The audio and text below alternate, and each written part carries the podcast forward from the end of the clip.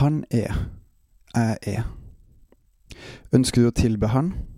Da vil jeg ta deg med til første krønike 29 i dag, i dagens episode av eh, Gud i sentrum meg, Håkon Winnem. David han hadde levd et langt liv, opplevd mye motgang og framgang, og alt det her så opplevde han at Gud var alltid nær.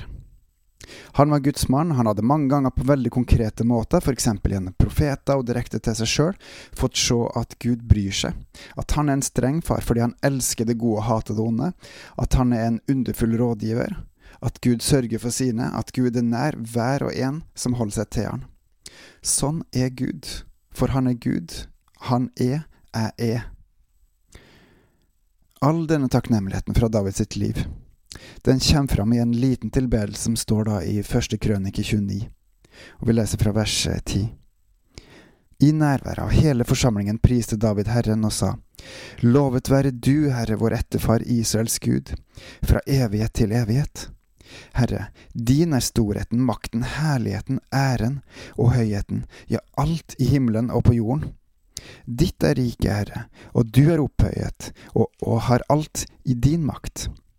Rikdom og ære kommer fra deg, og du rår over alle ting. I din hånd er kraft og styrke. Alt har du makt til å gjøre stort og sterkt. Så takker vi deg nå, vår Gud, og priser ditt herlige navn. Hør hvordan David opphøyer og lovpriser Gud, himmelens og jordens skaper, han som har satt alt i stand, og som er nær, han som er til stede i alt for dem som holder seg til han. Fall på kne og tilbe, for han er og i alt det her, hvem er lille meg, at han skulle bry seg om meg? Gi det du har, er hans tilsvar. Gi ditt liv, gi din rettferdighet, gi av det du eier, og da først og fremst gjennom den du er, for Gud har gitt deg og oss alt. Fra Han har vi alt, både fattige og rike, grekere, jøder, menn og kvinner, både tilbedere og avgudsdyrkere. Han eier alt og fortjener alt. Vi skylder Han alt, og likevel så gir Han oss nåde og viser vei. For hver og en som omvender seg, bekjenner sin synd at vi ikke har gitt Gud det som han fortjener, og lever for Han. Kun i Han, ved Hans Sønn, er vi frelst. Kun i Han har vi evig glede og rikdom. Ikke av denne verden, men i Hans himmelske rike. Videre står det. For hvem er vel jeg, og hva er mitt folk? Skulle vi være i stand til å gi slike frivillige gaver? Nei, alt kommer fra det, vi gir det vi har fått av det. For ditt ansikt er vi fremmede og gjester som alle våre fedre. Våre dager på jorden er som en skygge og uten håp. Herre, vår Gud, all denne rikdommen vi har samla for å bygge et hus for ditt hellige navn, den kommer fra deg, og alt er ditt. Min Gud, jeg vet at du ransaker hjertet og gjerne vil ha oppriktighet. Av oppriktig hjerte og fri vilje har jeg gitt deg alt dette. Og nå har jeg sett med glede at ditt folk som er til stede her, villig gir deg sine gaver.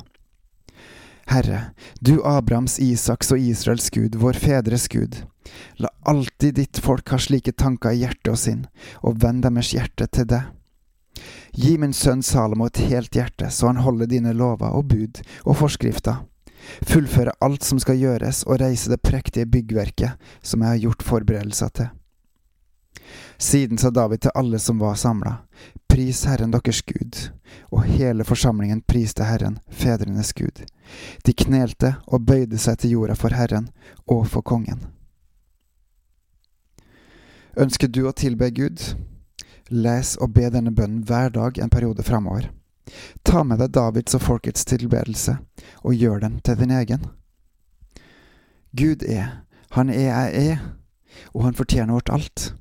Kun i Han har vi evig liv, kun i Han er vi rike, kun i Han finner vi fred, kun i Han er vi fri, fri til å tilbe Han, fordi Han er jeg er. Bebels og på gjenhør.